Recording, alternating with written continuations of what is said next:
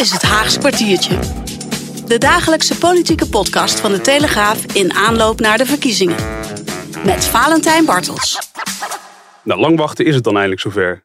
Pieter Omtzigt presenteert een kleine maand voor de verkiezingen het programma van zijn NSC. Maakt hij de hoge verwachtingen waar? Politiek commentator Wouter de Winter en verslaggever Pepijn van der Brink waren erbij en kunnen er alles over vertellen. Je luistert naar de tweede aflevering van het Haagse kwartiertje. De politieke redactie van de Telegraaf praat je elke werkdag in 15 minuten bij over de verkiezingsstrijd. Ook bellen we iedere dag met een politiek orakel. Vandaag is dat een D66-corrivé die erg is begaan met het klimaat. Jonge luisteraars kennen hem wellicht van zijn verhaal over het touwtje uit de brievenbus. Ja, dat is te makkelijk hè. Ik zie het al aan de, aan de gezichten. Ik wilde net zeggen, Pim, wat zie je er anders uit eh, tegenwoordig. Maar eh, leuk om hier ook te zijn vandaag. Maar is het nieuws van de dag? Want we zitten hier op de politieke redactie van de Telegraaf in de Tweede Kamer. En onder ons is Nieuwsport, waar vanmorgen het programma van NSC werd gepresenteerd door Pieter Omtzigt. Nou, het heeft even geduurd, maar vandaag was het zover. Ik sta hier met trots een verkiezingsprogramma te presenteren.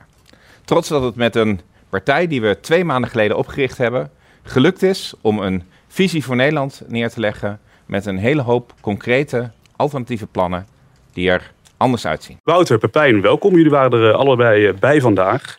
Wouter, om met jou maar eh, te beginnen. Er waren natuurlijk enorm hoge gespannen verwachtingen. Maakt hij die waar in dit programma?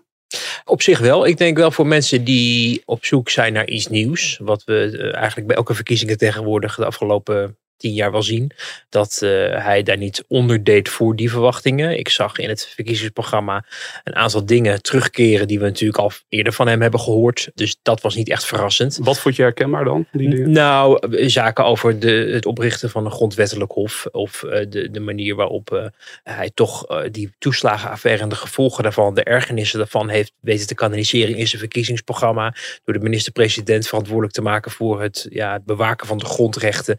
Door het mes te zetten in de externe adviseurs bij de overheid. Door ook een ambtenaren aannamestop in te willen voeren. Omdat hij vindt dat die overheid wel groot genoeg is. Behalve dan de Belastingdienst. Want die moeten de toeslagenaffaire oplossen. Dus dat zijn van die zaken die je eigenlijk al wist dat er gingen gebeuren. En daarmee ook een heel duidelijk Pieter Omtzigt stempel geven op eh, het verkiezingsprogramma. Nou, partij heet NSC, maar had ook eh, POP kunnen heten, hè? de Pieter Omtzigt partij. Ehm, Was het zo duidelijk, die vingerafdruk van ja, hem? vond ik heel duidelijk. Eh, wat het, het gekke is, wat het daar weer een beetje bij detoneert, is dat als het om de financiën gaat, en vooral de financiële onderbouwing, hè, de man is toch een man van de inhoud en de cijfers, dat die eh, eigenlijk grotendeels ontbrak. En zeker als het gaat om de specifieke cijfers. Hè, er werd gezegd, we willen hier meer geld naartoe en dan willen we daar misschien wat minder. Maar hoe en wat en welke effecten dat vervolgens ook op de koopkracht heeft, de werkgelegenheid, dat blijft allemaal eh, Ja. onder de radar. Maar dat is toch opmerkelijk wat in de intro zei Eddie van Heijem, die het programma heeft geschreven eh, voor een deel. Dat ze te laat waren met het programma voor de doorrekening. Maar dat Ja. er een hele stevige financiële paragraaf bij zat. En toen zag je naar Pieter Omzicht knikken van ja, een hele Ja. stevige paragraaf. Ja, die, die mogen we dan kennelijk nog een keer ergens bewonderen of zo. Maar eh, Die heb jij daar niet in teruggezien. nee, nee. En je hoorde net trouwens ook Pieter om zich zeggen in dat fragment dat het hele concrete voorstellen zijn. Maar dat valt ook wel mee. Als je bijvoorbeeld alleen maar kijkt, hij wil de arbeidsmigratie van de expats wil die beperken. En dat wil hij andere, onder andere doen door die vrijstelling over de eerste 30% van het inkomen van expats te verminderen. Maar dan zegt hij er niet bij hoeveel. En dat zie je met heel veel punten Maar eigenlijk dat je zou bijna zeggen niet des Pieter Omtzigt hoe hij zichzelf presenteert. Want hij gaat er altijd prat op dat hij juist wel daarin in detail met de onderbouwing komt. Ja, maar dat komt hij in dit programma eh, niet. Er staat heel vaak, we moeten meer van dit doen of we zetten daarop in. Ja. Maar er wordt niet geleverd. Het is overigens wel zo dat in andere verkiezingsprogramma ook eh, hè, de devil zit in de details. En die details staan nooit in het verkiezingsprogramma zelf de laatste jaren, maar staan of worden eigenlijk duidelijk op het moment dat keuzes in kaart verschijnt. Dat is het, eh, de doorrekening van het Centraal Planbureau van de verkiezingsprogramma's. Dan wordt iedereen langs dezelfde meetlat gelegd. En dan zie je ineens eh, VVD wil een x aantal miljard bezuinigen hierop. En de PvdA is dat van plan. En de SP was, eh, zag het zo. En dan moeten ze eigenlijk met de billen bloot. En in zo'n verkiezingsprogramma zie je meestal gewoon de plannen, hè, de vergezichten. Het is ook heel interessant tot de verkiezingen. Maar als de verkiezingen eenmaal geweest zijn, dan zal je zien dat er overal weer stuwmeren water bij de wijn moeten worden gedaan. En dan, daarom is het zo belangrijk dat je toch iets van een eh, ja, gelijk speelveld, een scheidsrechter hebt die kijkt van oké, u zegt dit wel, maar kunt u het ook leveren? En nog belangrijker, wat betekent het eigenlijk voor al die andere dingen die ook nog met het inkomensplaatje te maken hebben, die effect ondervinden doordat je Ja. bijvoorbeeld ineens besluit, eh, we maken dit gratis of we gaan dat extra belasten. Ze deden wel voorkomen alsof er al voor sommige plannen financiering was. Ze zeiden bijvoorbeeld, voor hotels en vakantieparken moest je meer betalen. En we Mhm. willen een aantal hele dure dingen willen we vooral niet doen. Ja, de hotels, dat is natuurlijk ons allen een doorn in het oog dat de hotels eh, zo goedkoop zijn. Dus laten we daar belasten. Weet je, het is interessant, maar het is natuurlijk niet iets waar je echt de grote bedragen mee binnenhaalt. Hè. Hij heeft natuurlijk wel laten doorschemeren, er is geen ruimte voor generieke lastenverlaging. Dat kan je ook interpreteren als de belastingen gaan omhoog. Ja. Dus dat, maar dat zal, klinkt minder gezellig dat natuurlijk. klinkt minder gezellig. En hij was ook altijd iemand die heel erg op de marginale druk eh, wees. Hè? En, en de manier waarop eh, mensen op een gegeven moment merken dat werken niet zozeer meer loont. Omdat ze allerlei extraatjes kwijtraken in de uitkeringen. Dus daarom echt wel opvallend dat iemand die zo nadrukkelijk ook echt verstand heeft van begrotingen en cijfers. Ook jarenlang financieel woordvoerder geweest. Fiscaal heel erg econometrist onderlegd. En ehm, ja, toch nu vind ik een beetje zijn eer te na laat zien door niet echt een goed doortimmend financieel plaatje af te leveren. Hij noemde zelf ook nog, tenminste die van Heem noemde dat, die het ook geschreven heeft, dat ze de kinderopvang niet gratis willen maken. Dat dat dan een van de punten is waar ze dan zeg maar, op bezuinigen tussen aanhalingstekens. Ja, nou dat, dat, doet dit kabinet momenteel ook niet. Omdat men zag dat dat allemaal op de lange termijn pas realiseerbaar zijn. En sowieso niet eh, nu. En zeker als het gaat ook om het maken van kwaliteit. En nou ja, je, je tuigt nogal wat op. Het is zo dat in het zogenaamde basispad dat geld daar wel voor gereserveerd is. Dus hij sloopt dat er dan eigenlijk uit, uit het basispad. Dus eigenlijk het, het beleid wat in de stijger staat. Maar dat is ja, uiteindelijk denk ik ook niet voldoende om ehm, ja, alle andere ambities helemaal te realiseren. Bovendien, hij zegt wel dat hij iets van een, even in mijn eigen woorden, een soort uitgebreide of verrijkte schooldag wil. Dus het is ook niet zo dat er helemaal geen geld naartoe gaat naar een soort voorziening die wat verder gaat dan alleen mensen naar de kinderopvang sturen of kinderen, moet ik zeggen, niet mensen, of naar school. En dat zie je trouwens de afgelopen eh, 10, 20 jaar wel vaker gebeuren. Dat vanuit Den Haag, ook eh, zowel van de VVD als de PvdA, dus links en rechts, er een behoefte is om iets te creëren waardoor kinderen op een of andere manier een combinatie van opvang of onderwijs krijgen. Alleen het lukt steeds niet, omdat het te duur is. Hij gaat zelf, eh, Pieter Omtzigt, ging ook redelijk prat op zijn plannen die hij voor migratie heeft. Het ging de hele tijd over een migratieplafond. 50.000 zou het migratiesaldo moeten worden. Ja. Behoorlijk ambitieus, omdat dat vorig jaar zo'n 220.000 was, inclusief eh, Oekraïners. De vraag was wel vooral, hoe hard is dat plafond? Nou, die werd ook gesteld bij de presentatie. Het is een richtgetal. Een plafond, een hard plafond kun je in, elk, in, in enig moment niet waarmaken. Dus je, je richtgetal is maximaal 50.000. Kom je er overheen, dan moet je aanvullend beleid voeren. Dat is heel simpel voor het idee. Op het moment dat er 50.000 zijn en er is nog een asielzoeker die recht heeft, dan kun je hem niet weigeren. Ja, Pepijn, dan kun je hem niet weigeren. dat Het is in Den Haag volgens mij de afgelopen jaren heel vaak over quota en richtgetallen gegaan. Ja, dat zegt volgens mij eigenlijk al alles. Dat het, het richtgetal is aardig, maar hij wil ja, aanvullend beleid gaan maken op het moment dat het er overheen gaat. Maar je kunt dus geen mensen wijzigen. En aanvullend beleid is ook niet van de een op de andere dag ingevoerd. Ja, Wat is zo'n richtgetal dan waard? dat vraag je dan af. Eh, nou, daar wil ik wel antwoord op geven anders. weinig nou. misschien. Dan laten we de commentator de antwoord op ja, ja, geven. dat doen. Ja, mijn tong jeukt, geloof ik.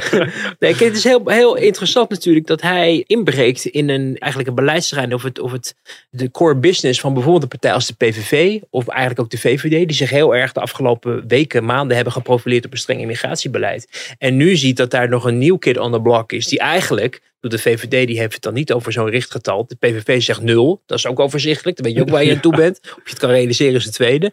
Maar ook wel probeert heel duidelijk te hengelen naar de kiezer die zorgen heeft over migratie.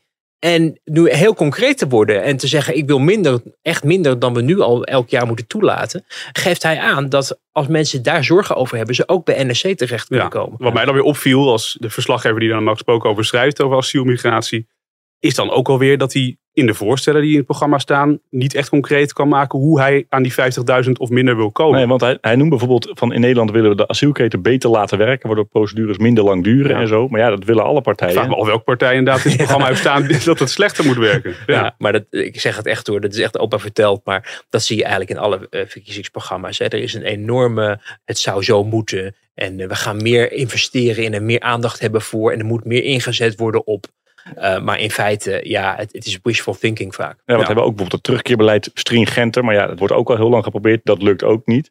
Wouter, tot slot, eh, de premierskandidaat, die wil hij nog steeds niet eh, vertellen wie dat wordt van de partij. Je haalde er vandaag in je column al, eh, ja, het was er scherp in. Waar is het jou inmiddels duidelijk waarom hij dat nog steeds niet wil prijsgeven? Nou, omdat ze misschien ook zelf nog niet helemaal weten.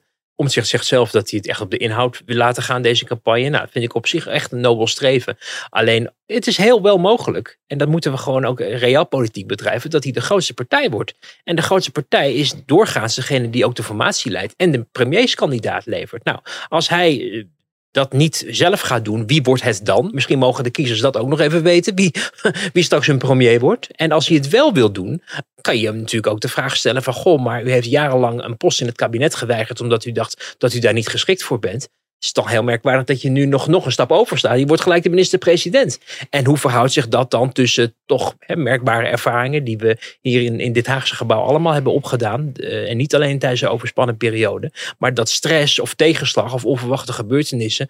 Nou, bij omzicht ook wel iets doen met de manier waarop je zich gedraagt... Uh, of, of zich uit of uh, zich comfortabel bij voelt. Dus is hij nou echt de, de droompremier? Of is het juist iemand die je als de pitbull in de Kamer wil hebben... die, die je regering blijft controleren? Ja. En dat is een vraag, vind ik, die gewoon voor de verkiezingen moet beantwoord worden. Ja, dank jullie wel allebei. Want ik denk dat we daar nog wel wat uitzending mee kunnen vullen komende maand. Want ergens gaat het natuurlijk een keer bekend worden dat hij het wel uh, vertelt. Wij gaan door naar de rubriek uh, bellen met het politieke orakel. Iedere dag hebben we een andere, dus ik pak mijn telefoon er even bij. En vandaag gaan we bellen met Jan Terlouw. Het orakel.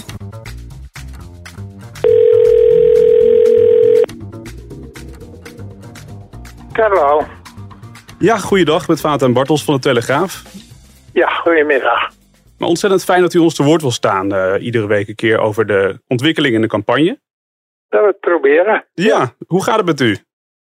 Ja, ik mag niet klagen. Ik ben een beetje oud en moe aan het worden, maar het gaat nog zo'n beetje. En ik, uh, ik hou nog zo'n beetje bij wat er gebeurt, denk ik. Wat is u opgevallen in de campagne? Dat die nog zo langzaam van start gaat. De verkiezingen zijn al morgen over vier weken. Ja. Dan kiezen we de leden van de Tweede Kamer. En dat is een ongelooflijk voorrecht dat we dat mogen doen. Ja. Maar ik vind dat de campagne langzaam van start gaat. Hoe komt dat, We denkt hebben zondag natuurlijk wel in College Tour, dat programma van Twan Huis, hebben we een eerste lijsttrekkerdebat gezien. Ja. Het waren vragen van studenten waar op geantwoord werd. En dan verder nauwelijks een debat. Misschien even over kernenergie. Ja. Frans Timmermans die had het zelfs over kernfusie. En dat is het onderwerp waar ik mijn loopbaan in Nederland mee ben begonnen. Met studie naar kernfusie. Ja. Dus dat vond ik wel leuk om te horen. Maar u vond het dus eigenlijk nauwelijks een debat, of te weinig eigenlijk? Ik vond het nog weinig een debat, maar dat is niet zo erg. Want je doet het niet alleen, zo'n debat, om de programma's van de partijen te leren kennen. Je doet het ook om de lijsttrekkers te leren kennen. De mensen die ons straks wellicht gaan besturen. Vond u dat u ze voldoende kon leren kennen op basis van dit debat? Klein beetje. Ik zag Frans Timmermans en ik dacht, nou, van Partij van de Arbeid GroenLinks, dat is een activist, dat is een doener. Een activist, En- zegt u zelfs. Een activist, Ah. ja. En Pieter Omtzigt, als je die dan ziet, dat is echt een intellectueel. Die vindt dat je eerst moet nadenken over een onderwerp voordat je er wat over gaat zeggen. En ik zag Carolien van der Plas van de BBB. Ja.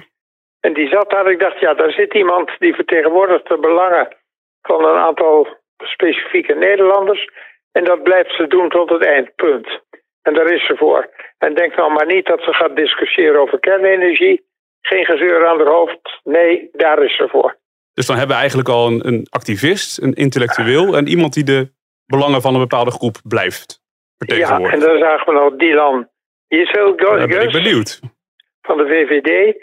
En mij viel op dat me daar niet direct een karakterisering bij opviel. Oh, is dat een goed teken of niet? Nou, dat weet ik nog zo net niet. Het Hm. is, viel me dus niet zo op als iets specifieks. Maar goed, we weten al dat ze een opening heeft gemaakt naar Wilders, naar de PVV. Ja. En Wilders vond het verrukkelijk, hè? Denkt u dat die twee partijen elkaar ook gaan vinden, als u dat zo eh, Nou, bekijkt? dat zou best eens kunnen als je ziet hoe enthousiast Wilders reageerde. Duidelijk. We hebben voor deze week denk ik behoorlijk wat besproken al. Dus ontzettend veel dank daarvoor. Nou, met veel plezier gedaan.